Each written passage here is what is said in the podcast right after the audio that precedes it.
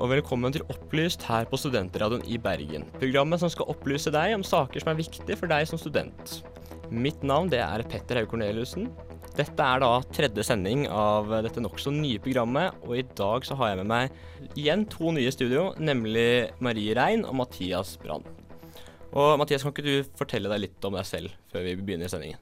Det kan jeg. Um, jeg er fra Haugesund. Jeg begynte nylig på journalistikkstudiet. Um, hadde ett friår, eh, eller et år i førstegangstjenesten etter videregående, så eh, jeg har aldri studert før, så det blir spennende å se hvordan uh, dette livet blir. Og så ender du her i Studentradioen i Bergen. Det er veldig hyggelig. Det er jo deg og alle de andre journaliststudentene.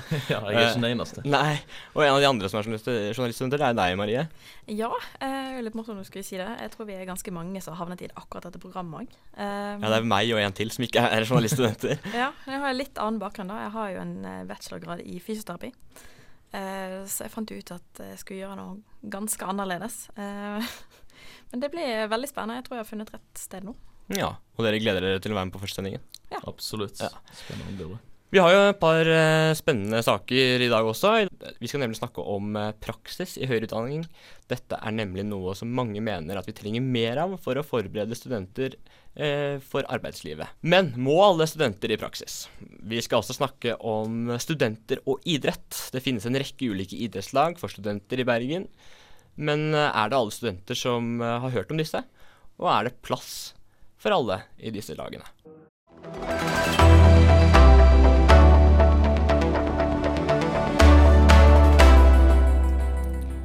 Noe som mange studenter kommer til å være borti under sin utdanning, er praksis. Praksis er i mange studier en sentral del av utdanningen, f.eks. hvis du studerer sykepleier- eller lærerstudiet.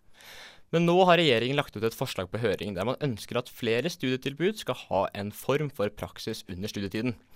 Dette begrunnes med at mange studenter føler at man står litt på bar bakke etter at studiene er ferdig og man skal ut i arbeidslivet.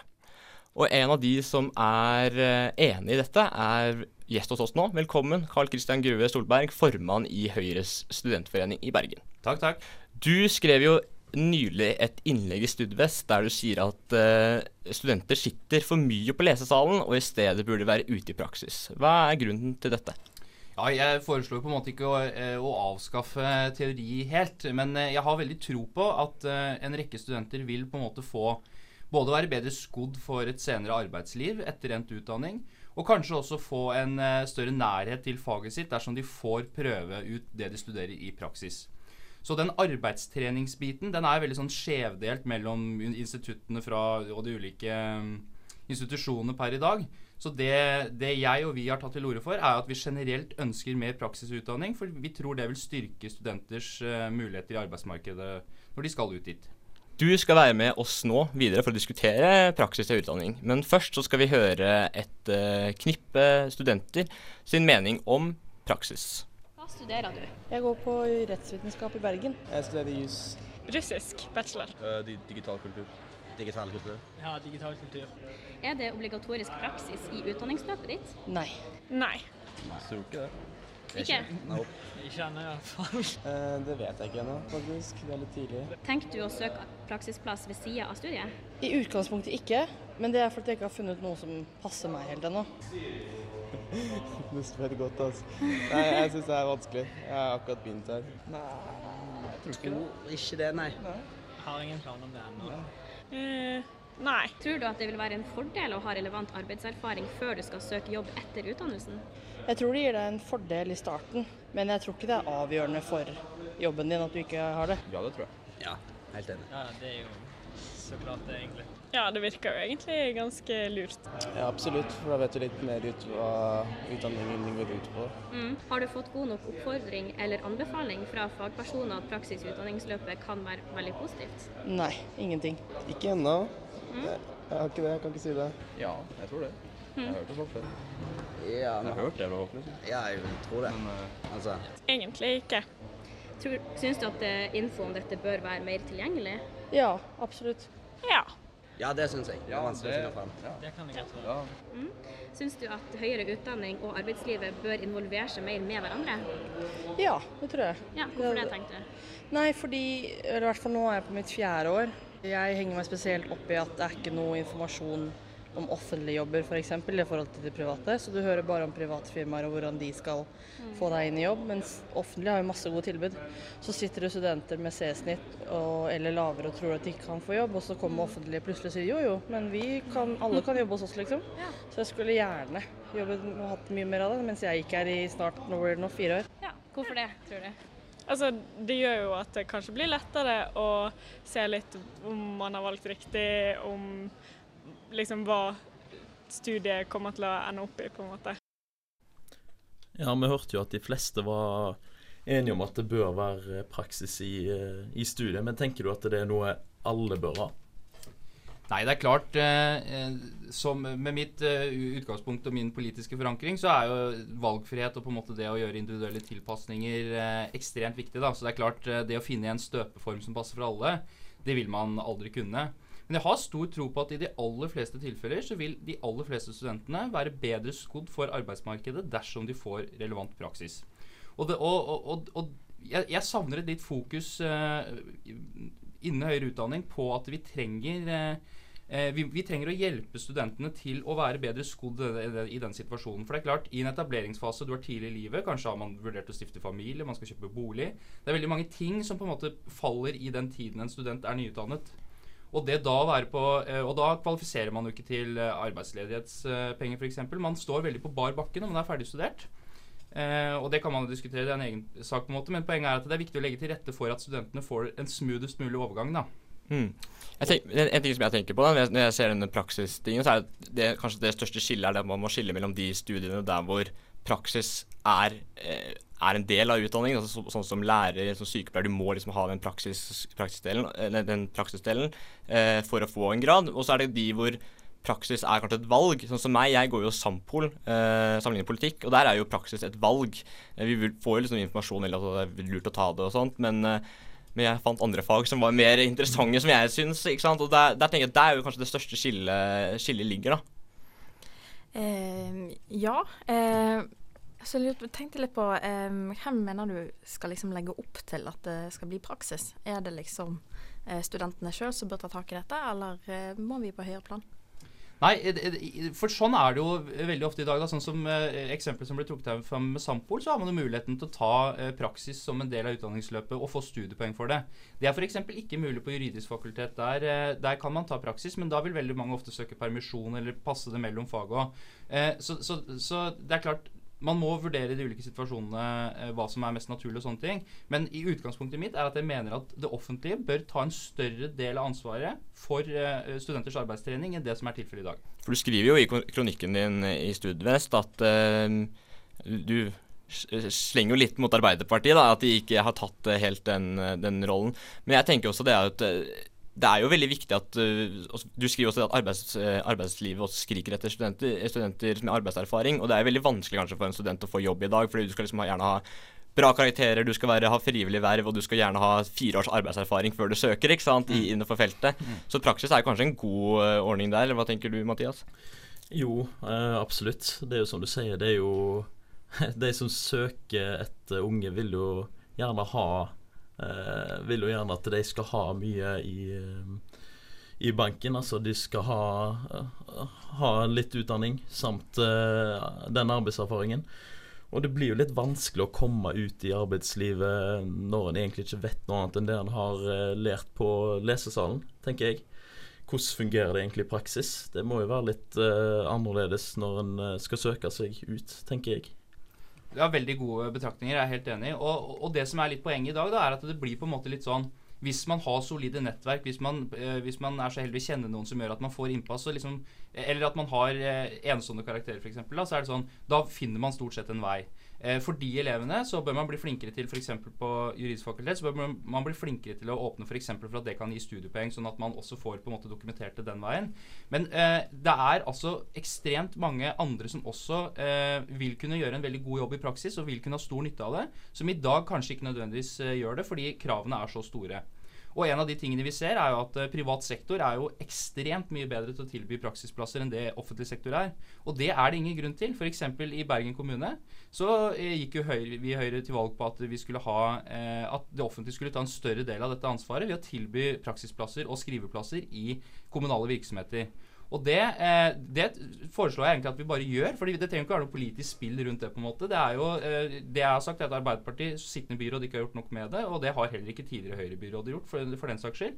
Så jeg syns rett og slett vi skal lage en dugnad, få statistikk, sånn at de kommunale virksomhetene kan rates opp mot hverandre. Så og så mange praksisplasser har vi, og så kan vi følge med dem og se ø, om utviklingen går. Fordi det viktigste her er studentene, og det må også kommunen ta mer ansvar for. Det, det du sier er at det viktigste er studentene, er kanskje det som også gjør at jeg av og til tenker at praksis er kanskje litt skummelt for noen da, studenter. At man går ut i et arbeidsliv man kanskje ikke kjenner så veldig mange, og skal liksom første gang ut i ordentlig jobb eh, på den måten.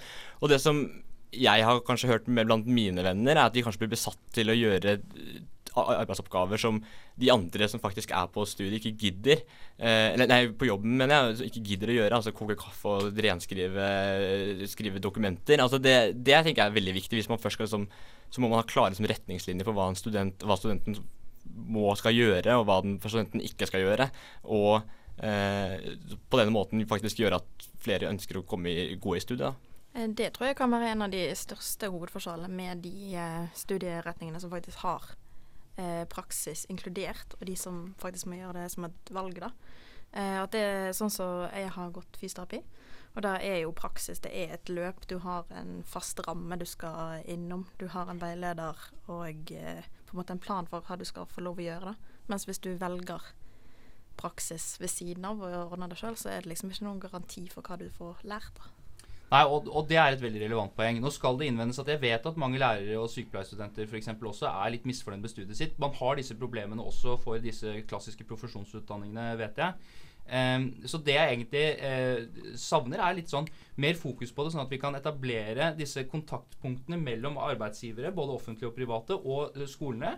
F.eks. på juridisk fakultet så har man jo disse arbeidslivsdagene hvor aktørene kommer til skolen og presenterer seg. og eh, Også for de da som syns det er litt skummelt å gå ut, så får de i hvert fall et innblikk i det er dette som foregår, det er dette de driver med osv.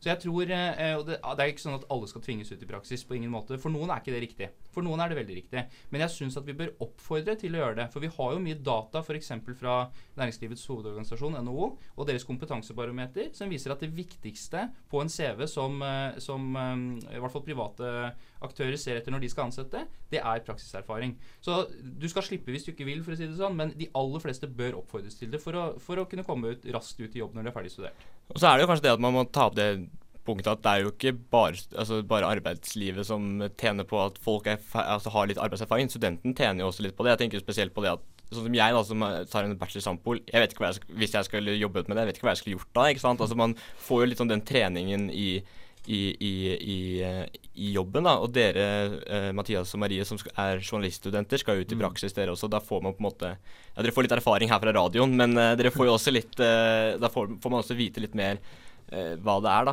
Men altså, er det et problem kanskje nå at det er altså, for tilbudet? Altså, etter, altså det, hvis man spør etter praksis, er det for dårlig, eller hva mener, mener du det, Karl Kristian? Nei, eh, Det som var poenget i innlegget mitt, var jo at det er veldig mye bedre i privat sektor enn i offentlig sektor. Så all ære til de private aktørene som på en måte stiller opp og ser at dette er en vinn-vinn-situasjon. De får relevant kompetanse eh, og, og, på en måte pågangsmot inn i sin eh, bedrift. Og, får, nei, og, studentene får verdifull arbeidserfaring. Men eh, så, så, det jeg egentlig savner, er på en måte bare mer at eh, høyskolene og universitetene jobber mer i denne retning, og på en måte at det anerkjennes som et veldig klart bidrag. da.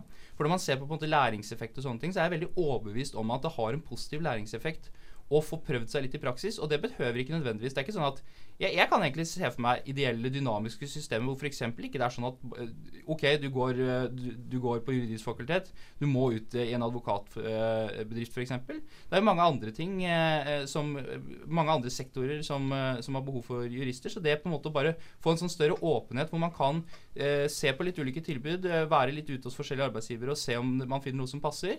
Eh, så dette er på en måte en større omveltning jeg ser for meg da. Mange ting sånn på veien dit man må gjøre. Eh, men jeg tror generelt at dette vil være bra for studenten, og også bra for eh, læringsmiljøet på universitetet i sin helhet. da. Ja, da skal vi si at vi Nei, da skal vi bare ha en liten pause, så kommer vi straks tilbake, og vi skal snakke litt mer om litt utfordringer som kan komme opp.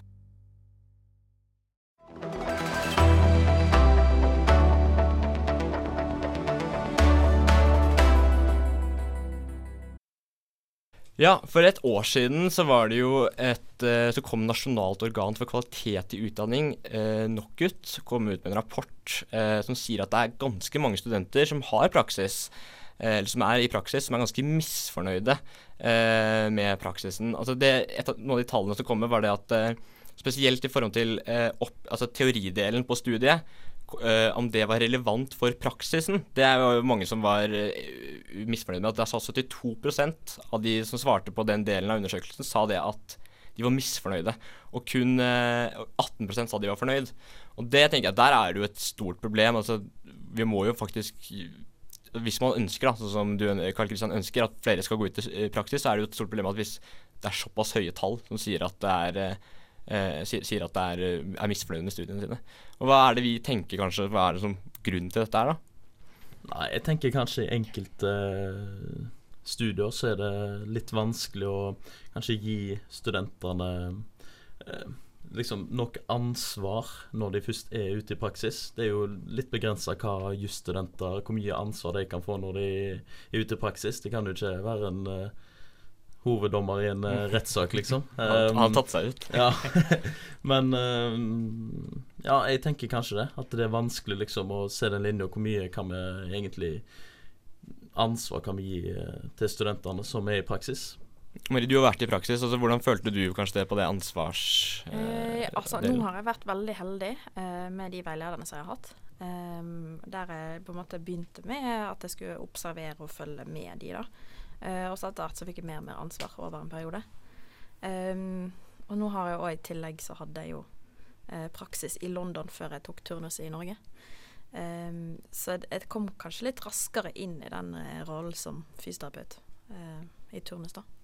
Ja, og, og eh, for det første. Det er, det er superbra at vi undersøker eh, og gjør brukerundersøkelser hos de som er ute i praksis. Det er helt avgjørende for at vi får et eh, innblikk i på en måte Hjelper dette noe? For det er ikke sånn at vi skal ha praksis for enhver pris. Vi skal ha god praksis som studentene på en måte eh, gir de noe.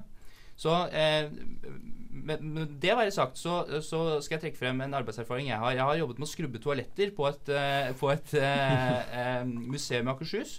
Og, og, og, det var et godt eksempel på at det, det er klart at det er, i, uh, Antageligvis så skal ikke jeg jobbe med det senere, men da får man på en måte erfaring med å være et arbeidsfellesskap, med å på en måte få, få delegert oppgaver, med å, med å, forholde seg til en arbeidsgiver.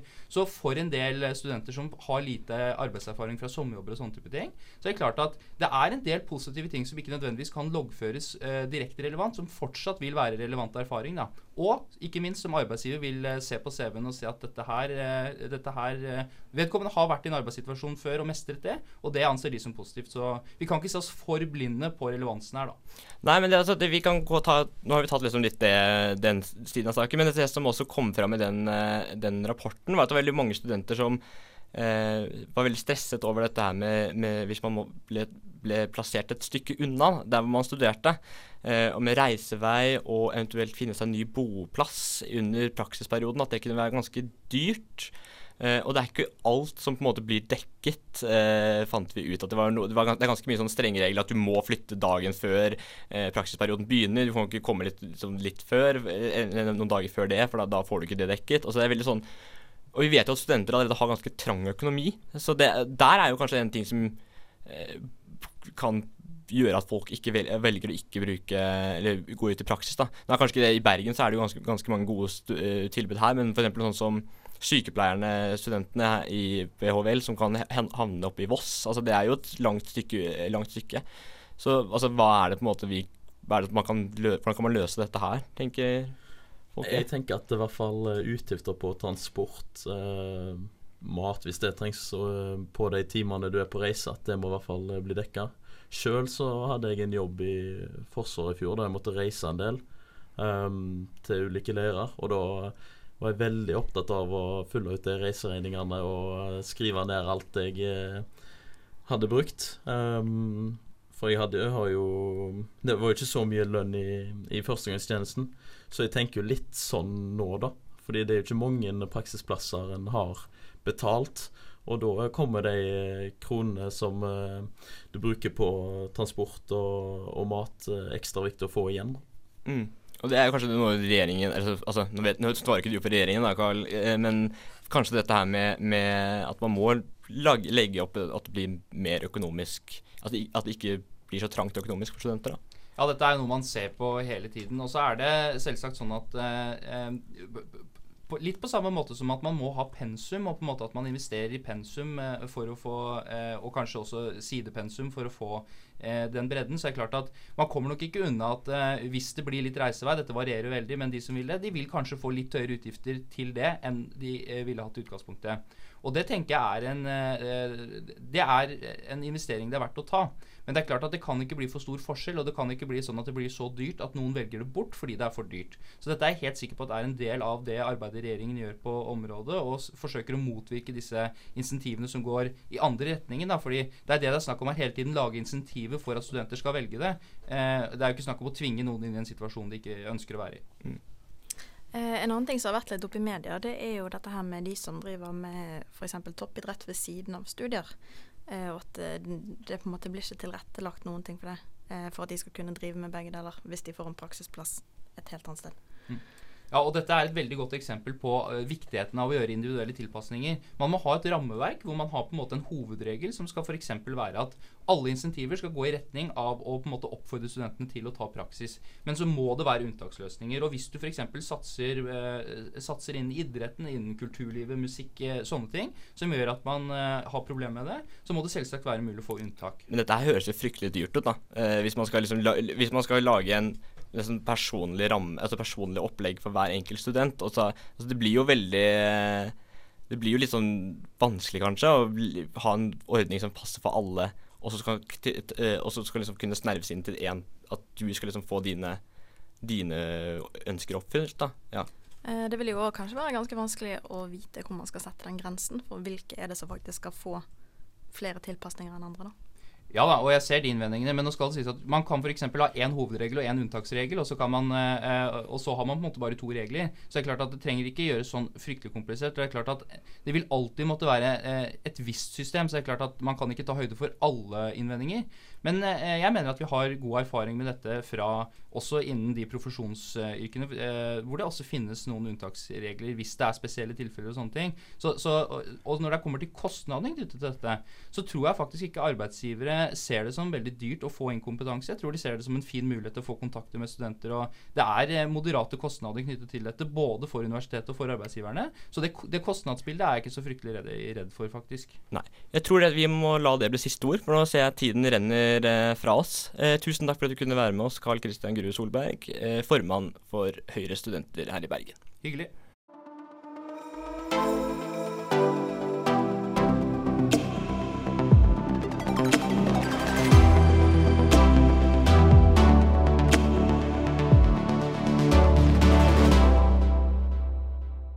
Hvis du som student har lyst til å drive med idrett, finnes det mange forskjellige idrettslag for studenter i Bergen. NHH har sitt eget som heter NHHI. Studentersamfunnet ved Høgskolen på Vestlandet har BTSI, og Bergens studentidrettslag, også kjent som BSI, er åpent for alle, uavhengig av hvilken utdannings utdanningsinstitusjon du tilhører. Samlet tilbyr de en rekke forskjellige idretter, men er alle like flinke til å vise frem og tiltrekke seg nye medlemmer, og er det et tilbud for alle studenter som ønsker å delta. Vi skal nå høre to intervjuer, først med Victoria Thorsen, som er leder for BTSI, og etter det så hører du eh, lederen for NHHI, Matei Dominski. Hvordan er idrettstilbudet deres? På høyskolen så har vi et vidt eh, tilbud av idretter. Og vi eh, har alt fra fotball til håndball til svømming. Så vi har et mangfold av idretter som vi tilbyr til våre studenter.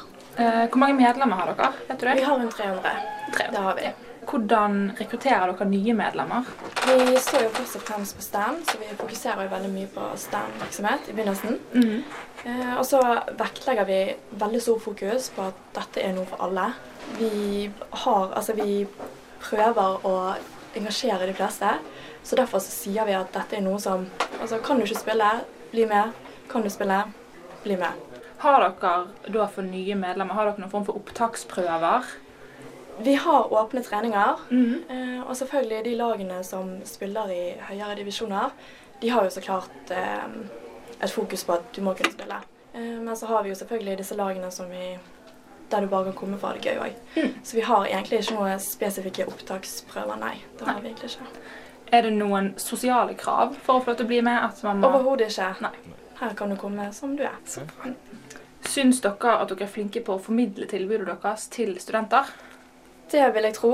Eh, Men vi er jo en veldig stor skole. Høgskolen er jo veldig mange studenter med veldig mange forskjellige eh, personer. Mm. Så, men likevel, jeg tror at vi klarer å formidle det.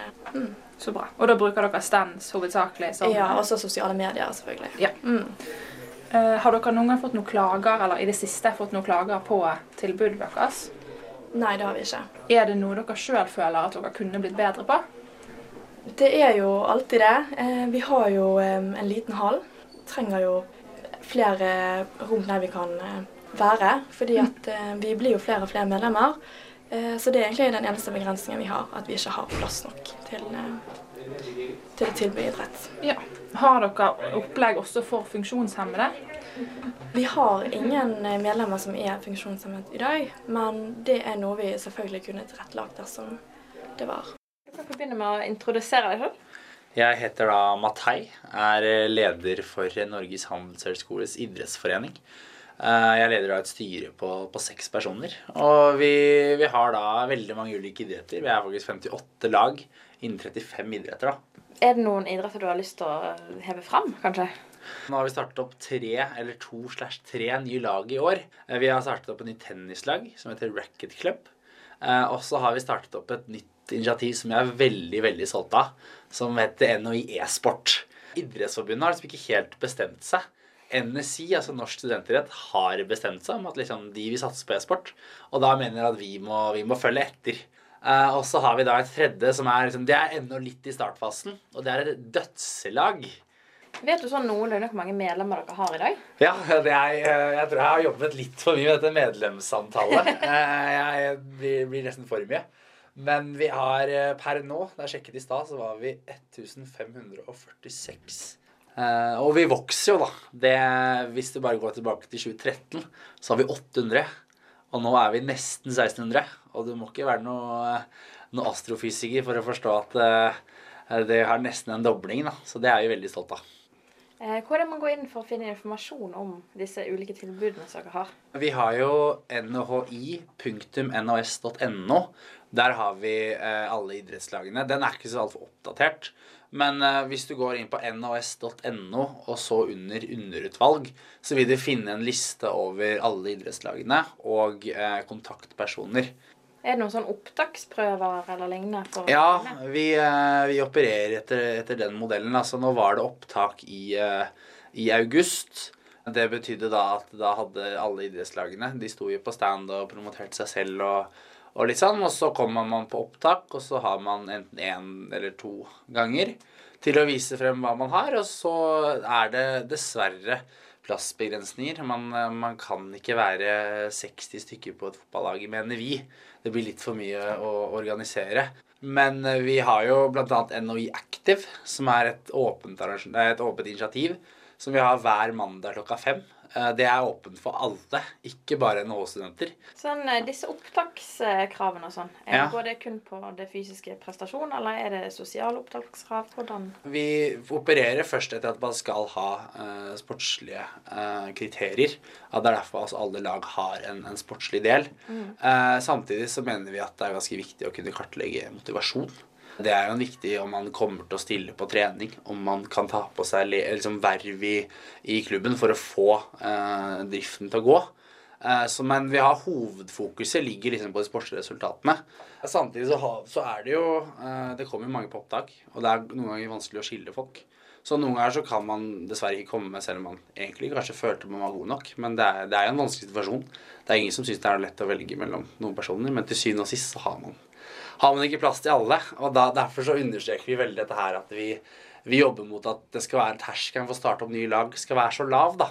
Og når vi ser at vi har fått tre lag bare nå i høst, og vi gikk fra 800 til nesten 1600 medlemmer nå, så, så mener vi liksom at det er den veien jeg tenker som er den riktige å gå.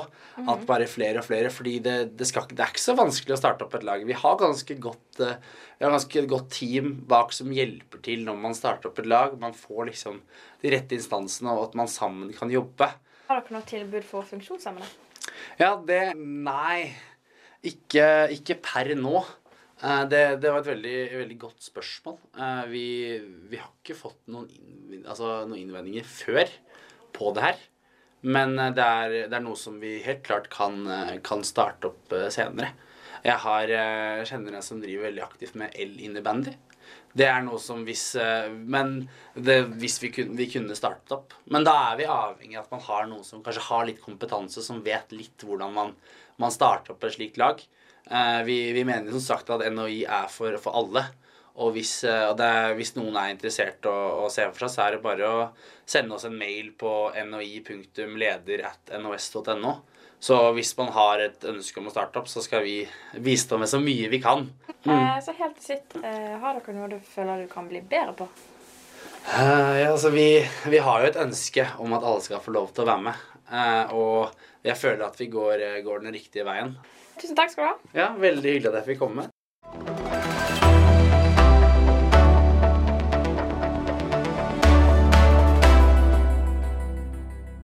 Ja, nå hørte du to intervjuer med to eh, representanter fra hver sin eh, studentidrettslag her i Bergen. Og med til studiet nå så har vi deg, Lauritz Bjørnreim, ansvarlig for halvtid, og du sitter da i styret til Bergen studentidrettsforening. Ja, det stemmer. Vi er åtte, åtte personer i, i styret der. Så var det jeg som, som hadde mulighet til å komme i dag. Så bra. Yes, eh, velkommen. Eh, du kan jo få begynne å fortelle litt om eh, hva slags tilbud dere har.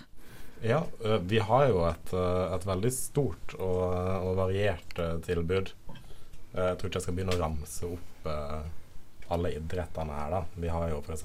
ballidretter og kampsport og seiling og friluft og frisbee og rumpeldunk. Uh, Så vi har, uh, har masse for mange.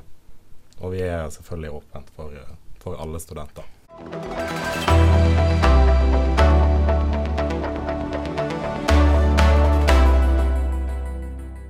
Ja, du hører fortsatt på Opplyst, og vi snakker om treningstilbudet for studenter her ved universitetet Nei, ja, du hører fortsatt på Opplyst, og vi snakker om treningstilbudet for studenter her i Bergen. Og nå har vi jo hatt eh, intervju med tre representanter fra tre forskjellige eh, studentidrettsforeninger. og hva er det vi tenker om det? Ja, jeg kan begynne med jeg. Um, gjesten vi hadde, um, fortalte litt eh, ting jeg eh, Jeg ble litt overraska over det han sa, egentlig, i forhold til hva jeg har eh, opplevd. Nå skal ikke jeg skryte på meg at jeg har eh, lest meg veldig opp på eh, tilbudet for meg som student på UiB. Um, men jeg har sett veldig lite til det. Um, både på Facebook og um, og markedsføring ute i gaten, holdt på å si. Altså, jeg har sett veldig lite til det med mindre Eller utenom um, eh, fadderuker når de hadde stand på studentsenteret. Så um, han mente jo at de var mye bedre enn som så, så det var litt overraskende. Og det var litt overraskende, for vi var jo, når vi skulle liksom hente inn litt informasjon til sendingen, så var vi inne på nettsiden deres. Så det er jo, et par av de som kanskje, sånn som du sa, ville på herrefotball. Det var jo siden litt nede. Nei, men, eh, ja, men jeg, også og så syns jeg liksom det, det viser som, virker som det er en er et veldig bra tilbud, egentlig, altså for de studenter. I, altså for det, for, det, for det meste, da. Ikke sant? At det er uh, ulike steder man kan gå for å for å, å, å drive med idrett. Og vi, det er jo også på BI har jo sin egen idrettslag, og Jussen har jo også. De har jo ikke vi tatt med intervjuet, men de har jo også mye, uh, mye innslag. Men altså en ting som jeg reagerte litt på, for det, nå har jeg vært student i to år, og jeg husker veldig godt for et, jeg tror det var et år siden, så var det veldig mye styr rundt opptakskrav, altså opptaksprøvene på NHH sin idrettsforening, og da var det veldig mye sånn Eh, Det gikk ikke bare på ferdighet. da Altså Man hadde liksom opp, eh, altså uttakene på utesteder og sånn som det. Og det du skal liksom Sånn som det var en som sa det at her i radioen i stad, at det, det var en som var på verdens Altså på, på landslagsbasis, som ikke kom med på, med på en, eh, et studentlag fordi han uh, ikke presterte på fest. Og det er tenker jeg, der er det jo hvis, altså hvis, vet vi ikke om det var tilfelle, er tilfellet nå, men jeg tenker det er jo kritikkverdig i seg selv at det har, vært- har, har vært sånn. Ja, altså jeg tenker jo det Nå har jo alle sagt det at eh, det er ikke noe fokus på det nå. Eh, men samtidig tenker jeg det er kanskje litt urealistisk å tenke at det kun er idrettsprestasjon som gjelder. Eh, spesielt siden det er eh, så mange flere som ønsker å være med enn det som det faktisk er plasser til. Eh, så de må, de må jo på en måte ta avgjørelsene på noe, da. Ja, men så det er liksom sånn altså det, Hvis man har en sånn, sånn, sånn ordning som de virker som det har, da, altså på NHH, at de har et visst, visst antall plasser, så tenker jeg at det er helt greit at man sier at det er jo ikke Sorry, det er ikke plass til alle sammen. Det er jo helt greit. Mm. Men det er jo litt Altså, jeg syns kanskje en ordning sånn som de har på, har i, på HVL, hvor det er liksom litt mer sånn åpent, og alle kan komme, og du trenger liksom ikke å satse, du kan bare være med der for å være, for å være med, tenker jeg er jo en bedre løsning. Men vi, hvis man har begrenset halvtid, så er det som er Det er jo der det bunner inn, da. Ja, jeg hørte en historie om, eh, om en tryout til et av byens fotballag. Jeg husker ikke helt hvilken idrettsforening det var. Men da hadde det møtt opp eh, 60 stykker på en sjuerbane, som vil si en halv fotballbane. Um, der noen hadde et navn og, eh, så de skulle forholde seg til, så måtte de drive og gå rundt og ta bilder av folk. Det var jo helt umulig å, å plukke ut de beste, da. Uh, så da er det jo veldig vanskelig å selektere ut uh, ifra det. Ja, altså jeg som Jeg er fra Asker, og, eller jeg er fra Asker, og der har vi litt sånn Jeg får litt assosiasjoner med sånn russebuss-vors, hvor du skal liksom vise deg fram, og du skal liksom være den lettest på fest samtidig som du skal være en av de kule. Og hvis Mm. det er jo tilfellet, så er jo Altså, man har jo historier fra det forskjellige steder, og der tenker jeg det er veldig kritikkverdig. Men eh, hvis vi kan si oss litt ferdig med akkurat den, da, så er det da et problem at alle ikke er det, er det et problem at det ikke er åpent for alle? At, eh, at alle ikke får plass på, på et uh, idrettslag?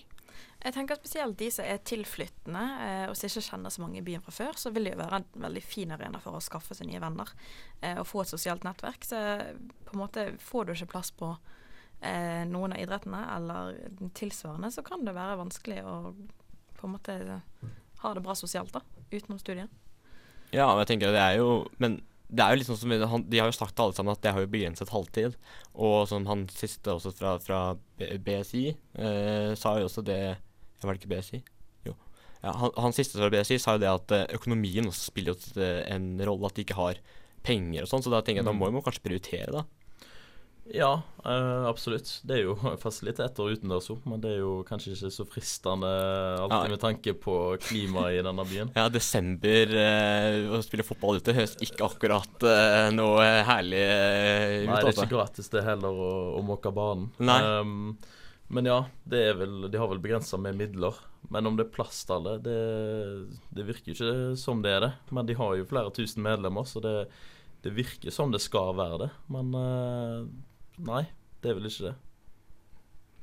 Um, altså Det kunne jo vært et alternativ å sette en form for medlemspris på alt, da. Uh, jeg vet jo det er noen av eh, de ulike som har at du må betale uh, så og så mye semestere for å ha tilgang til de ulike hallene. Um, Det vil jo forbedre økonomien, men det er jo igjen da, studenter liker ikke å betale for ting. Det er jo litt det, det som er kanskje problemet. At, og som vi snakket om også i praksis, praksisdelen, at økonomien er, er pressa. Mm. Så det er jo litt eh, problematisk, det. Men eh, nå ser jeg tiden løper litt fra oss, og snart så er det jo helg. Så da tror jeg vi skal snart se på å avslutte sendingen. Følg med videre.